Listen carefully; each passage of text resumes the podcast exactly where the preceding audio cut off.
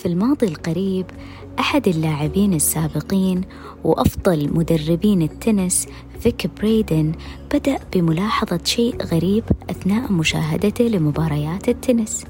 في لعبة التنس كل لاعب يعطى فرصتين لإرسال الكرة. To hit a serve. وإذا أخطأ اللاعب في إرسال الكرة للمرة الثانية على التوالي يقال عنه بأنه ارتكب خطأ مزدوج double fault ما أدركه بريدن أنه دائما يعلم إذا ما كان اللاعب سيرتكب خطأ مزدوج وذلك قبل أن يحصل الخطأ بوهلة ويهتف أوه خطأ مزدوج؟ والكرة ما زالت في الهواء بغض النظر عن اللاعب رجل امرأة يعرف اللاعب أو لا يعرفه كان دائما يعلم بريدن بدأ يسأل نفسه ماذا رأيت؟ وعلى أي أساس عرفت في طرفة عين؟